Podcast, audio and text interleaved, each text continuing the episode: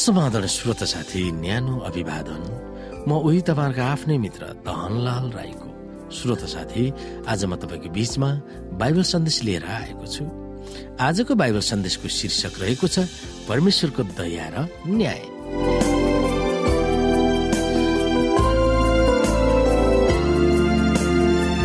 श्रोता परमेश्वर न्याय र दयालु हुनुहुन्छ भन्ने प्रमाण क्रुस र उहाँको इन्साफले प्रकट गर्दछ। परमेश्वरको दश आज्ञाहरू भङ्ग गरेकोले यसले पापीको मृत्युको माग गर्दछ।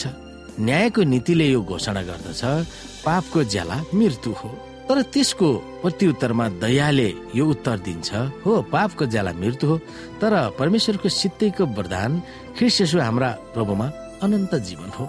यदि परमेश्वरको व्यवस्था परिवर्तन गर्न सक्ने भए वा निलम्बन गर्ने भए यसुको मृत्युको आवश्यकता नै थिएन। यसुको मृत्युले व्यवस्थाको अमरत्व स्वभावलाई कायम राख्दछ र न्यायको आधार नै व्यवस्था हो। श्रोत साथी हामी यहाँनिर प्रकाश विश्वाध्यायको बाह्र पदलाई हेर्न सक्छौ। हामीलाई न्याय गर्ने आधार के हो? हाम्रा असल कामहरूसँग हाम्रो मुक्तिको के सरकार छ? मैले ठुला र साना सबै मृतकहरूलाई सिंहासनको सामुन्ने उभिरहेको देखे र पुस्तकहरू खोलिए। अर्को एउटा पुस्तक पनि खोलियो जो जीवनको पुस्तक हो।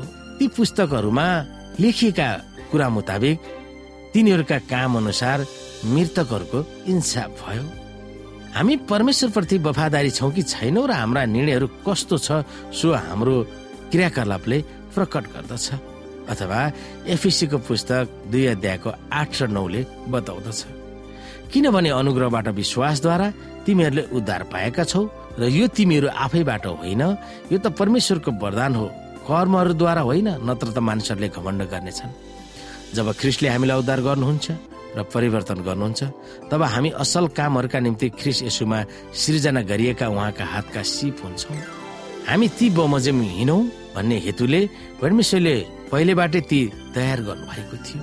पवित्र आत्माद्वारा शक्ति सम्पन्न गरेर हामीले गर्ने असल कामले हामीलाई मुक्ति दिँदैन तर हाम्रो विश्वास सच्चा र पक्का छ भनेर हाम्रो असल कामहरूले प्रमाणित गर्दछ। परमेश्वरले गर्नुहुने अन्तिम इन्साफमा हामीहरूमा भएका देखावटीपना पाखण्डीपना झुटो र छल कपट खराब नियतहरू सबै उघारिनेछ ती सबै दुर्गुणहरू हाम्रो नसा नसामा छ। न्यायको समयमा परमेश्वरको सामु हामी उभिँदा कस्तो हुन्छ भनेर दिदी एलएनजी भाइटले प्रभावकारी दिव्य ज्ञान हामीलाई दिएकी छिन्। शुभ समाचार र न्याय सँगसँगै जान्छ भनेर उनले व्यक्त गर्दछिन्। परमेश्वरका उद्धार पाएका मानिसहरू नै उहाँको सामु फोहोरी लुगा लगाएर उभिएका छन् भन्ने देखाएकोमा कतिको संवेदनशील हुनुपर्छ भनेर देखाउँदछ। उहाँको नाउँको दावी गर्ने सबै नम्र भएर हृदयहरू खोतल्नु पर्छ भनेर त्यसले देखाउँदछ। सत्यलाई पालन गरेर आफ्ना आत्माहरूलाई शुद्ध पार्नेहरूले नम्र भएर आफूहरू कतिको कमजोर छु भनेर महसुस गर्दछन्। जति स्पष्ट रूपमा ख्रिसको निर्दोष चरित्र तिनीहरूले देख्छन् त्यति तिनीहरू पनि उहाँको स्वरूपमा परिवर्तन हुन तीव्र चाहना गर्नेछन् र आफूमा शुद्ध गर्ने वा पवित्र गर्ने कुनै तत्व छैन भनेर तिनीहरूले महसुस गर्नेछन्।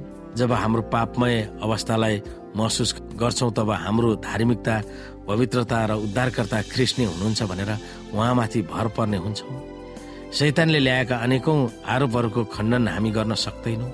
हाम्रो निम्ति प्रभावकारी रूपमा बिन्ती भाव गर्नुहुने ख्रिस यसु मात्र हुनुहुन्छ। शैतानले हाम्रो विरुद्धमा आरोप लगाउँदा त्यसबाट सफाई पाउन हाम्रा धर्म कर्म पुनित काम परोपकारी र असल काममा होइन। यसुको आफ्नै कामले हामीलाई निर्दोष हुन हामी पुग्छौँ। एलएनजी व्हाइटको कथन अनुसार न्यायलाई सुसमाचारबाट अलग राख्न सकिँदैन भनेर हामीले देख्न सक्छौँ। सुसमाचार र न्यायको सम्बन्धले हामीमा आशा पलाउँदछ। त्यो कुरा हामी बुझ्न सक्दछौँ।